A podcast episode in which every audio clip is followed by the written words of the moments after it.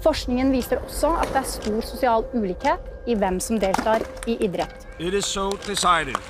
With the UN's official adoption Å jevne ut de sosiale skillene og ikke bygge opp under dem. Idretten er veldig på. Hva er, hva er veien videre? Spennende. Now meg betyr at jeg er med på noe større enn meg sjøl. Å legge til rette for at folk skal kunne ta sunne og gode valg. 2030 agenda is for you. Claim it. Trenger vi kanskje et nytt slagord? Aktivitet vil kanskje være den viktigste pillen som vi kan gi folket. Velkommen til Responsecast. Vi er som i andre episoder av sesong to Mats. Og Anne. Og vi jobber fortsatt ved Nord universitet. I denne podkasten snakker vi med doktorgradsstipendiatene i Response om eh, de idrettssosiologiske forskningsprosjektene deres, og også om stipendiatlivet. Denne episoden handler om prestasjonsutvikling i toppidrettsorganisasjoner med toppfotball som tema. Og det er også tema for Christian Kjølstad Sigvardsens doktorgradsprosjekt i sosiologi. Velkommen, Christian. Kan ikke du fortelle litt om deg sjøl? Jo, takk. Eh, jeg heter da Christian, eh, er 27 år. eh, Kommer i, fra en plass som heter Vormsund, en veldig liten plass ca. 30 minutter øst for Gardermoen. Og nå bor jeg da i, i Bodø her og tar eh, doktorgraden min her. Ja, hvor lenge har du vært stipendiat, og hva handler egentlig doktorgraden din om? Ja, jeg har vært eh, stipendiat i det som begynner å bli snart et år nå, eh, så det har gått utrolig fort. Doktorgradsprosjektet mitt det har jeg aldri klart å forklare på en kort og presis måte, men det skal ikke stå på forsøket. Så for å ta hensikten, da, så er den å utvikle kunnskap om arbeidet som gjøres i toppidrettsorganisasjoner for å etablere, opprettholde og utvikle et prestasjonsklima som fremmer sportslige og organisatoriske mål og visjoner. Så det er litt sånn munnfull, men hensikten er jo da at jeg skal prøve å både se på hva ulike roller trekker fram som viktig for prestasjonsutvikling i de klubbene som jeg undersøker, eh, også hvorfor de trekker fram det her som viktig, hva som kjennetegner det strategiske arbeidet de driver med for da å tilegne og utvikle det de anser som sentralt for prestasjonsutvikling, og også vurderingene som ligger bak her. Eh, og så til syvende og sist så er jeg også interessert i hvordan deles det her, og hvordan implementeres det her på en måte som eh, de mener skal bidra til prestasjonsutvikling innad i de klubbene som jeg undersøker. da. Ja, det er hovedlinjene. Så har du jo et, eh, i hvert fall et superspennende case, ikke sant Mats? Ja, når du snakker om toppidrettsorganisasjoner og prestasjonsutvikling, så det første jeg tenker på da, er i hvert fall eh, vårt kjære Bodø-Glimt.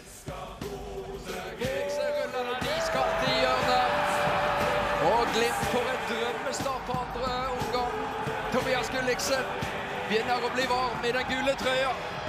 Ja, jeg har jo kikket litt i prosjektet ditt, og du virker jo også å være interessert i Bodø-Glimt som kanskje en av flere mulige caser eller eksempler på toppidrettsorganisasjoner som har hatt stor suksess mot alle odds. da. F.eks. Glimts dårlige økonomiske utgangspunkt, geografi og demografi. Så kan kanskje Bodø-Glimt være et eksempel på det idrettssosiologiske interessante fenomenet, nemlig uventet suksess.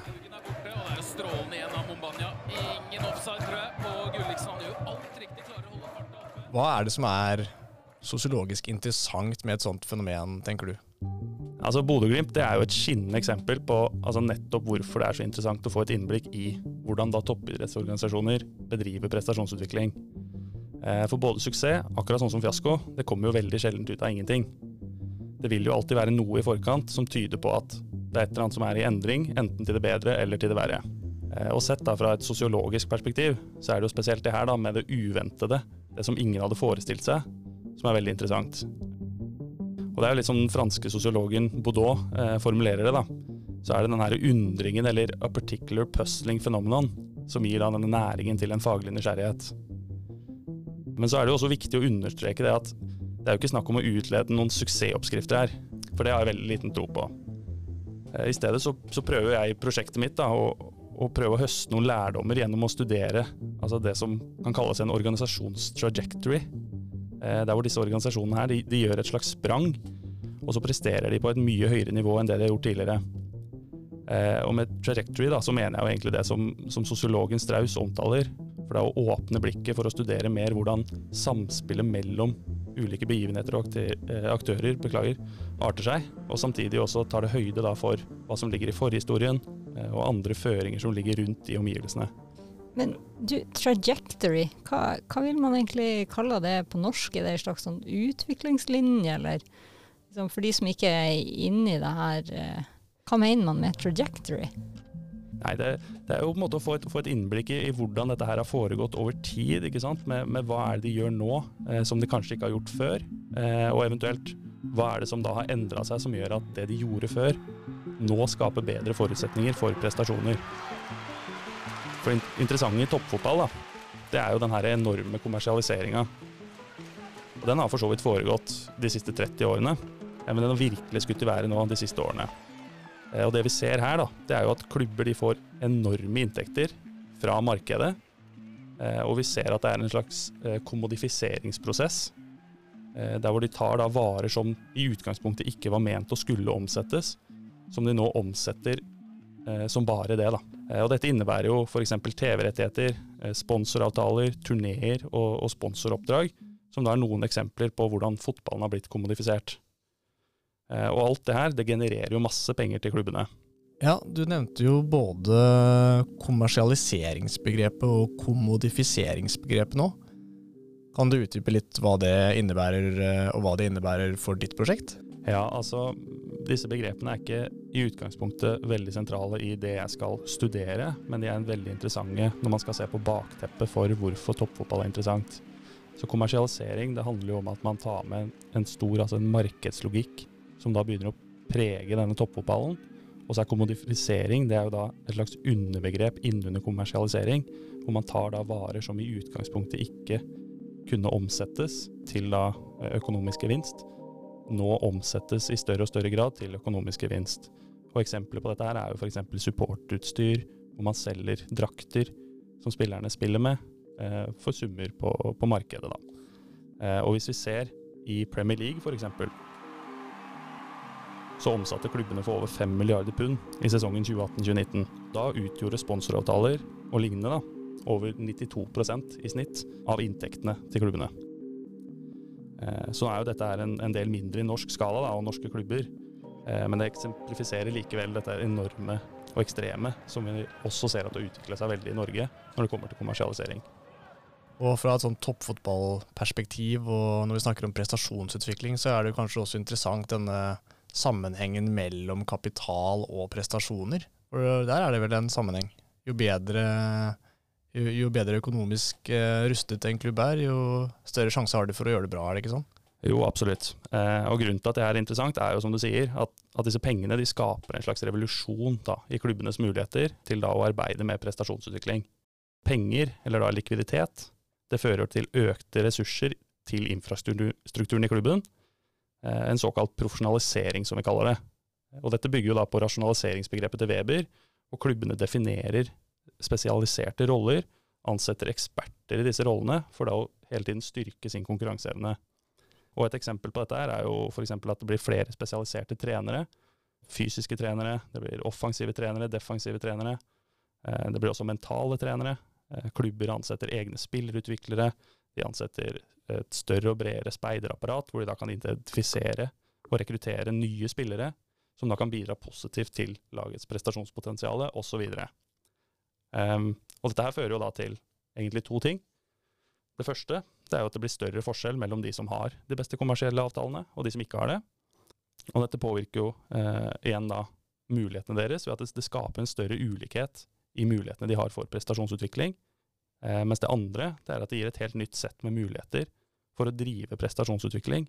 Både gjennom den kunnskapen som kommer, eh, men også midlene da, som uansett tilfaller til idretten, til tross den her ulike fordelingen. Da. Så profesjonalisering og rasjonalisering, det er litt to sider av samme sak, kanskje? Altså rasjonalisering, man blir mer bevisst og kritisk vurderende av eh, prestasjonen. Men det gjelder kanskje ikke bare på individnivå, sånn som vi kjenner langrennsløpere som snakker om å fokusere på arbeidsoppgaver og sånn. De er jo veldig refleksive. Men uh, det gjelder også kanskje på organisasjonsnivå, altså et makronivå. Uh, den britiske sosiologen Anthony Giddens har jo et begrep der som kanskje er relevant for deg, altså dette begrepet om institusjonell refleksivitet. Er det også relevant for uh, toppfotballklubber? Ja, absolutt. Eh, og dette her det handler jo om at altså, praksiser de, de, evalueres og revideres kontinuerlig. ikke sant? Da i lys av den tilgjengelige kunnskapen om altså, betingelsene som gjelder for klubbene, og ikke minst også om selve grunnlaget for reproduksjonen av sosiale systemer de er en del av. Eh, og det betyr altså det som fungerte i går, det fungerer ikke nødvendigvis i dag.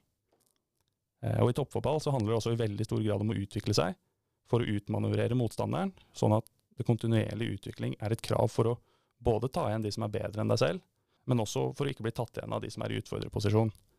Eh, og det som er særlig interessant i, i den sammenhengen, da, når, når, vi er i toppfotball, det er jo i hvilken grad klubbene klarer å reflektere over hvordan de selv driver med prestasjonsutvikling. Eh, både i lys av situasjonen de er i nå, men ikke minst i lys av situasjonen de forventer å være i. Eh, og kanskje enda mer interessant enn hvorvidt de gjør det, er jo kanskje også hvordan de tilnærmer seg det å reflektere rundt sin egen praksis. Mm.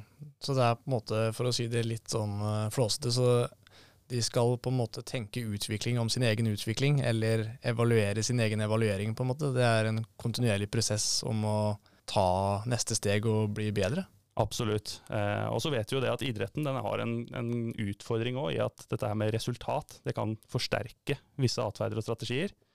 Eh, og Samtidig så vet vi jo gjennom forskning at resultatet det kan avhenge av veldig mye forskjellig. Eh, og det å jobbe med resultatmål, det kan jo også ofte føre til at atferd og strategier feiltolkes, hvor man tror at rett og slett disse her forsterker sin egen mulighet for positive resultater, mens det i realiteten kamufleres av positive resultater og går på bekostning av prestasjonsutviklingen den bedriver. Eh, så, så, hvilke strategier som foreligger, og hvordan man i det hele tatt tilnærmer seg det her, og også reflekterer rundt det her, det er jo da veldig interessant å undersøke nærmere. Flott. Men Kristian, vi, vi, må snakke litt mer om eh, stipendiatlivet, som vi kaller det. Hva var det som skjedde i livet ditt som gjorde at du endte opp med en doktorgrad? Altså, hvordan bestemte du deg for å følge drømmen om en doktorgrad? Hva var motivasjonen din? Jo, du, det var uh, egentlig en ganske så saktevoksende spire, eh, som skjøt veldig fart da mot slutten av utdanninga mi, egentlig. Eh, hvor jeg da var lenge av oppfatninga av at, uh, at, forskning det var forbeholdt for ganske andre typer enn meg. Ja, det må du si litt mer om. Andre typer, hva, er, hva tenkte du på da? Liksom? Nei, det som, som, tidligere idrettsutøver og veldig lenge tenkt på meg selv som uh, riktignok på idrettsutøver på, på, lavt nivå, men alltid tenkt på meg selv som en praktiker. ikke sant? Og så var det når man går inn og begynner å studere idrett, så, så er det noe med det å, å, holde på den praktiske delen og, og, tenke at det er der man er god. Man har tross alt drevet med idrett hele livet. Eh, og så gradvis så, så, vokser dette her med den teoretiske siden og forskningen eh, på meg. da. Eh, og det var vel egentlig først når jeg skrev masteroppgaven at det begynte å bli aktuelt å gå videre mot en doktorgrad. For da var det min daværende veileder da, som, som anbefalte det som en veldig fin vei å gå for meg. Og så ble jeg samtidig bitt litt av det her med å forske. da, Det altså å få samle inn data, det å få bearbeide, tolke, og også analysere det her for å se etter mening og ulike mønstre. Um, jeg er jo en ganske sånn nysgjerrig type, så det å, å, få sette meg inn i, i, ting er noe jeg er veldig glad i. Uh, altså det å få betalt da, for å gjøre nettopp det, det virka jo mer og mer appellerende, egentlig. Ja, det er litt sånn eh, forlokkende, tror jeg, for mange. Men veit du egentlig hva du vil med doktorgraden? Nei, altså Motivasjonen min den er nok at det er en jobb som passer meg veldig godt ut ifra det jeg liker å gjøre, eh, og også hva jeg er god på. Eh, men jeg har nok ingen stor sånn tiårsplan om, om hvor den skal lede meg. Men jeg får veldig mye sånn motivasjon i å gjøre noe som utfordrer meg, men som samtidig er veldig lærerikt og veldig spennende. da. Og Nå har du jo vært stipendiat ei stund, du har jo fortsatt eh, et godt stykke igjen, men du har jo på en måte fått kjent på en hverdag. Så for deg, hva er det beste med å være stipendiat? Det beste med å, å, være stipendiant, det må nok være at jeg får betalt for å bruke veldig mye tid på å sette meg inn i ting jeg selv syns er veldig spennende. Det er det nok. Eh, jeg får i veldig stor grad styre prosjektene mine selv. Eh, og jeg får jo også stor frihet rundt hvordan arbeidsdagen min skal se ut. Så det er veldig fint. Ja, det er fleksibilitet og egenutvikling eh, som er stikkordene her. Ja. Så nå, når du starta som stipendiat, så fikk du tildelt en eh, veileder som passa ditt felt og, og, det kompetanseområdet du skulle jobbe med.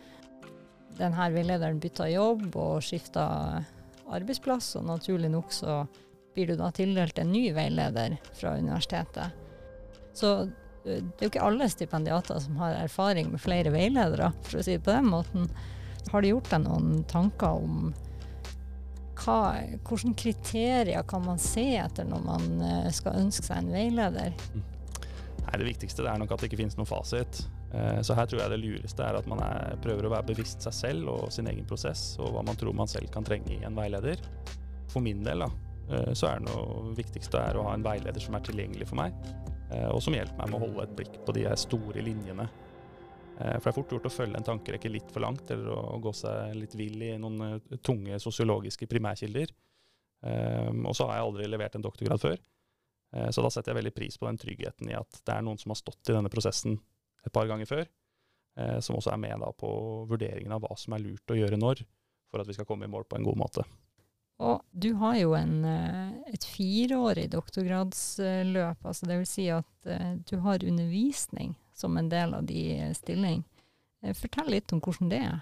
Det å ha fireårig doktorgradsstilling, det, det er midt i blinken for meg, altså. Så skal jeg ikke si noe om hva andre bør gjøre, men for meg er det veldig forfriskende å ikke kun ha mitt eget prosjekt å tenke på. Og det å få drive med andre oppgaver som veiledning av bachelor- og masteroppgaver, sensur og ikke minst da undervisning, som jeg trives veldig godt med, eh, det gjør at hverdagen blir ganske så variert, og jeg får også erfaring med en del forskjellige arbeidsoppgaver. Eh, Og så skal man heller ikke undervurdere det at det å ha alle de andre oppgavene, da, det bidrar til at eh, det setter et visst press på eh, prosjektet mitt. Eh, Og da må man utnytte den tida man har, eh, når du har den, da. Så for en som ikke er helt ukjent med å, å ta noen chippertak, så er det fint å få, få det som et slags eh, insentiv. Du blir kanskje litt utfordra på å strukturere og være disiplinert. Hva jobber du med akkurat nå, og hva er neste milepæl? Nå står jeg egentlig midt i en, en datainnsamlingsprosess, eh, hvor jeg da har eh, gjennomført noen intervju, eh, og jobber nå med å rekruttere resten av informantene til å ha resterende intervju. Eh, så det er en periode som innebærer en god del e-postvirksomhet, eh, en del ringing på kryss og tvers, og ikke minst litt eh, reising. Men neste milepæl blir nok å få ferdig alle intervjuene, sånn at jeg for alvor kan begynne å analysere datamaterialet og, og danne meg et slags bilde av hvilke ulike aspekter og, som er interessante, og, og hvordan da dette arbeidet med prestasjonsutvikling faktisk foregår i, i klubbene. Ja. Og det her med metode er jo superviktig i alle doktorgradsprosjekt, så det, det tenker jeg det må vi snakke mer om. Ja, for eh, temaet ditt, Christian, det er jo åpenbart både interessant og hyperaktuelt. Men hvordan du skal gjøre det rent konkret, altså hvordan skal du finne ut av dette her, det trenger vi å høre litt mer om. Altså hvilke metoder tenker du å bruke for å forske på prestasjonsutvikling, prestasjonskultur og organisasjon i toppfotball, og ikke minst, hvorfor disse metodene? Nei, altså I det prosjektet her da, så, så søker jeg jo ikke noe objektiv sannhet, og heller ikke et mål på hvor ofte eller hvor mye klubbene gjør av noe. Det jeg søker derimot, det er en forståelse for altså disse klubbene sine erfaringer med, eh, og vurderinger rundt sin egen praksis. Så Dermed så søker jeg også deres egen sannhet. Eh, og Det gjør at vi befinner oss innenfor det fortolkende paradigmet, eh, hvor det ikke da snakkes kun om én virkelighet, men vi gjerne snakker om flere virkeligheter som konstrueres av ulike individer. Eh, Og For å få innsyn i disse ulike individenes virkelighet, altså deres erfaringer og, vurderinger og den slags, så valgte jeg da en kvalitativ forskningsmetode, og jeg bruker da semistrukturerte intervju, hvor det da gir litt tid og rom for både skildringer, refleksjoner og også dialog mellom forsker og informant. Eh, Og det her er jo da i tråd med prosjektets både ontologiske, men også epistemologiske tanke, hvor informantene da får konstruere flere oppfatninger av virkeligheten fra sitt ståsted rundt hvordan de driver prestasjonsutvikling, men også at jeg som forsker da er med på å frembringe og også tolke disse her, og sammen kan vi skape da kunnskap om arbeidet deres med prestasjonsutvikling. Ja, og du nevnte her eh, semistrukturert dybdeintervju. Har du noen andre datatilfang eh, også, som du tenker å kombinere med, med dybdeintervju, eller skal du Nei, I tillegg til intervju så gjennomfører jeg da noe observasjon. Eh, Og Grunnen til at jeg ville kombinere det her, da, det er for å få en slags triangul triangulering, der hvor intervju kan fortelle meg noe om hva. Altså hva er deres erfaringer og vurderinger. Mens observasjonen kan fortelle meg noe om hvordan, altså hvordan det her utspiller seg i praksis i visse situasjoner. Eh, Og Sammen så er jo tanken at det her kan både styrke validiteten i dataen, men også øke forståelsen for fenomenet ved at jeg rett og slett har flere kilder til informasjon om hvordan denne prestasjonsutviklingen foregår. Eh, Men så er det jo viktig å understreke, og det er jo ikke alltid sånn at mer er bedre, men, eh, men det gir meg et utgangspunkt som jeg mener passer prosjektet mitt bra. Jeg må bare si, jeg har nettopp lest Geir Angel Angell Øygardens eh, gamle monografi om eh, boksing, altså gammel sosiologisk avhandling. Og etter det, jeg klarer ikke å høre på intervju eller tenke på intervju uten at det har liksom brent seg fast et sånt sitat fra den boka. Og det er liksom, Han beskriver sin egen metode, da, for han gjorde også observasjon og feltarbeid. Og så har han en samtale om prosjektet sitt der han sier liksom Jeg tror ikke på intervju, fordi hver gang jeg blir intervjua sjøl, så løy jeg som bare faen. så så eh, han ville sikkert vært veldig fornøyd med at du også gjør observasjon, da, selv om eh, det er humor humoristisk meint, da. jeg liker den eh, innstillingen at uh, altså alle metoder har svakheter, men når man kombinerer metoder, så øker kanskje sjansen for at man får et mer helhetlig bilde. Da. Hvordan skal dette se ut i selve datainnsamlingen? Skal du gjøre én datainnsamling, eller skal du Tanken er at jeg gjennomfører da totalt tre datainnsamlinger. Eh, den første blir jo da disse semistrukturerte intervju, eh, hvor jeg da ønsker å intervju, ha intervju både med ledelse, trenere og spillere i da et utvalg toppfotballklubber. Eh, og grunnen til at jeg vil ha både fra ledelse, trenere og spillere her, det er at jeg ønsker ulike roller hvor ulike perspektiv betyr at ulike ting kan gi mening for de forskjellige ut ifra rollen de besitter. Eh, og de kan vurdere ting ulikt. F.eks. en styreleder og en spiller vil kanskje vurdere ulike ting som viktig i forbindelse med det å skulle utvikle prestasjonene. Men samtidig så er de begge en del av den samme organisasjonen, eh, hvor man da skal trekke i samme retning. Eh, og da er det særlig interessant å få innblikk i hva er disse ulikhetene, og ikke minst hvordan manøvrerer de disse ulikhetene, og, og hvorfor gjør de det på den måten. Eh, og så er det denne observasjonen, da, som er datainnsamling 2, som jeg nevnte. Og jeg ønsker å observere da et utvalg nøkkelmøter, treninger og andre typer områder av interesse i én utvalgt klubb. Og dette er jo som nevnt da for å kunne fortelle meg noe om hvordan er det det her foregår. Der jeg kan observere det her samspillet mellom de ulike rollene. Til slutt, som vi ikke har vært innom, eh, så ønsker jeg også å gjennomføre det jeg har valgt å kalle langsgående intervjuer med da nye spillere. Her ønsker jeg da å følge to til fire nysigneringer i én til to av disse klubbene som jeg skal se på, over en lengre periode.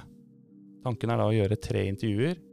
Et intervju ganske tett på etter oppstart i ny klubb. Et intervju når de har vært der et par måneder, og et siste intervju etter omtrent seks måneder.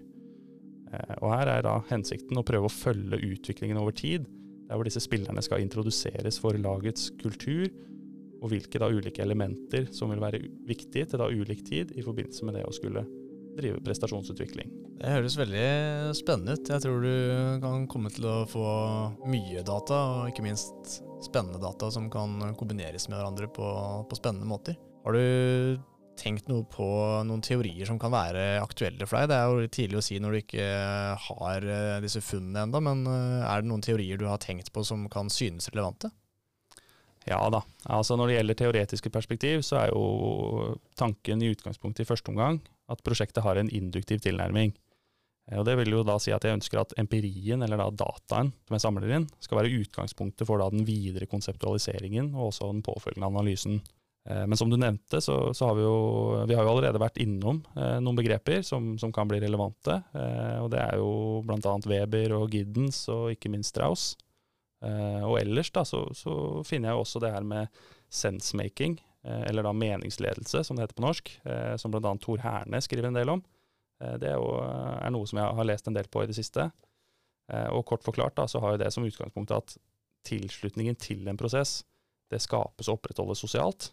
Så handler vi dermed på en spesiell måte fordi det gir mening for oss. så derfor så må man da, for å skulle påvirke eller undersøke et sosialt system, også forstå hvilke mønstre for handling er det som ligger til grunn, og vi må også forstå hvorvidt og på hvilke måter det her gir mening for de ulike gruppene. Ja, det hørtes ut som en god plan, Kristian. Men ofte så går det jo ikke slik man har tenkt. Man møter på noen problemer underveis. Har du møtt på noen problemer til nå, eller er det noen problemer du ser for deg at du kan møte på? Ja, altså Mitt prosjekt er jo på mange måter som de fleste andre. Jeg kommer jo ikke uten noen utfordringer som må håndteres eh, langs veien. Og den største utfordringen hittil, det er nok det å få tilgang. Eh, en utfordring som ofte da neglisjeres i litteraturen, egentlig. I forskningsartikler veldig ofte skrives veldig langt og bredt om, om dataen, men veldig lite om de her mange utfordringene man kan møte på ved å faktisk skulle komme seg i en posisjon der hvor data kan samles inn. Eh, og også ikke minst hvordan man håndterer da disse utfordringene på veien. I mitt tilfelle så har jo toppidrettsklubber i fotball blitt voldsomt kommersialisert, sånn som vi, vi har vært litt inne på. Eh, og etterspørselen etter spillere, trenere og ledere i klubben, da, det har jo vokst enormt i takt med det her. Eh, og I tillegg til det så er det jo altså, det er svært travle folk med veldig mye reisevirksomhet, trening, møter, og de skal jo også hvile. Eh, og så opererer du jo i sånne små sykluser hvor det er fullt fokus på trening og belastning og neste motstander som kommer på søndag, og også jobben da som må gjøres inn mot det her. Og hvis vi da legger til oppå alt det her, sponsoroppdrag, og ikke minst det her vanlige livet som disse her også skal leve utafor fotballen, ja, da begynner det å se ganske travelt ut. Du, du, er kanskje heller ikke den eneste som vil uh, prate med de, antar jeg? Nei, de, det som også ofte henger sammen med at, uh, at, klubber begynner å prestere bedre, er jo at interessen også vokser. Uh, så hvis vi legger alt dette her sammen, da, så, så, er det klart at det er ingen smal sak det å skulle få tak i disse her personene i, i første omgang. Um, og også da fortelle de hvorfor de skal sette av tid i hverdagen til mitt prosjekt. Det jeg har kommet fram til, er nok at uh, løsningen ligger i 15% strategi og 85 eh, pågangsmot. Uh, og det er som veilederen min sier til meg, uh, de er ikke uinteressert, de har bare andre litt mer pressende saker. men stillhet, det er ikke avslag. Så um, interessert inntil det motsatte er bevist, det er løsningen. Ja, det høres jo ut som en veldig interessant strategi, fordi um, du visste jo på forhånd at det kunne være utfordrende å få tilgang, antar jeg, siden dette er, eh, er eh, kjente toppidrettsorganisasjoner som gjør det godt og sånn. Men det er kanskje en balanse der. altså Jo mer ambisiøs du er i prosjektet og i datainnsamlingen, jo potensielt mer spennende eh, prosjekt blir det også, men du har i bakhodet at eh, det vil kreve litt mer. Så man kunne jo valgt en enklere løsning, men da hadde man kanskje også fått et kjedeligere i Gåstein-prosjekt, da. Absolutt. Eh, det interessante med de klubbene som er vanskelig å få tak i, er jo også at vi vet veldig lite om de. Eh, og dermed så blir det jo veldig interessant, når man først kommer seg på innsiden, hvis man klarer det, å finne ut hvordan er det de faktisk jobber. Eh, så det er jo definitivt motivasjonen for å, for å stå ut i den prosessen med å, å få rekruttert de på plass. Og hvordan, hvordan selger du inn prosjektet, da, hvis du hvis du skal eh, på en måte markedsføre ditt prosjekt og fortelle hvorfor det er viktig, er det, er det en vanskelig øvelse, eller? Nei, I utgangspunktet så er, vil man jo tro at prestasjonsutvikling er noe alle disse klubbene er veldig interessert i å, å lære mer om. Eh, men så har jo de sitt med, med, sin hverdag, sånn som jeg nevnte litt i stad. Eh, så da handler det om å, å, prøve å peke på hva er det jeg kan tilby, og, og da f.eks. For forskningsbasert kunnskap om hvordan de jobber. Kan jeg tilby noen rapporter? Kan jeg holde foredrag, enten for de, for andre samarbeidspartnere, eller kanskje for noen i styret. Altså generelt være på tilbudssiden for å få det her til å bli et samarbeid som tjener begge parter. Ja, det der er så viktig, tenker jeg, at eh, når man jobber med samfunnsforskning og sosiologi, at eh, vi forsker for, for, samfunnet, for dem, at eh, de man jobber med, skal ha noe igjen, da. Tips jeg skulle ønske jeg fikk høre før jeg ble doktorgradsstudent. Vi skal over på en fast post i podkasten, eh, stipendiattipsposten. Så Kristian, hva er dine tips til masterstudenter eller andre som går med en sånn liten doktorgradsdrøm i magen? Nei, Etterpåklokskap det er jo en veldig vakker ting. Eh, så det er jo selvsagt veldig mange ting jeg gjerne skulle ha visst om, sånn at jeg hadde sluppet å, bruke tid på å finne ut av det. Eh, men det beste tipset mitt det er nok at uh, alt ordner seg. Og Det er jo litt sånn klisjé, da, uh, men som stipendiat så må du forholde deg til ganske store ord uh, og en del ting i forløpet som kan virke litt sånn skummelt eller vanskelig. men så er det sånn at så lenge du altså, setter deg bak tastaturet stort sett mandag til fredag åtte til fire, og innstilt på å gjøre et godt stykke arbeid, verken mer eller mindre, så skal du se at alle de tinga der går i orden én etter én. Men hvis vi ser litt overordna på både stipendialtilværelsen, men kanskje særlig på prosjektet ditt, Christian. Har du oppdaga noe spennende foreløpig som du tenker at andre bør vite om? Altså, er det noe fra forskningsfeltet organisasjonssosiologi og toppidrett som kanskje misforstås blant folk flest? Det kanskje nyttigste jeg kan komme på nå, det er vel at eh, øving gjør mester også gjelder i såpass høytpresterende organisasjoner som i toppidrett. Um, det handler rett og slett om å ha altså selvfølgelig best mulig kvalitet i det man legger inn hver dag. Også være systematisk og målretta i det man foretar seg, helt klart. Eh, men til syvende og sist så ser vi også at i toppidrett, og i andre høyt presterende organisasjoner også, så handler det om å skape en kultur der man tør å prøve. Man må være dønn ærlig på sine egne feil og, og de feil man foretar seg, og utvikle og lære av det. Um, altså det å prøve, feile og lære, det skaper bedre forutsetninger for å utvikle seg og prestere, enn det om man skal henge seg for mye opp i hva man bør få til, og at man skal være feilfrie. For da tør man heller ikke å utfordre marginene. Og med de eh, visdomsordene så eh, sier vi tusen takk til Kristian, og til dere som eh, hører på. Følg oss der du hører på podkast, så får du neste episode. Da er det e-sport som er tema. Det handler om å skape seg gode vaner. Idretten er veldig på. Lykkes vi godt nok med idrett og fysisk aktivitet for alle?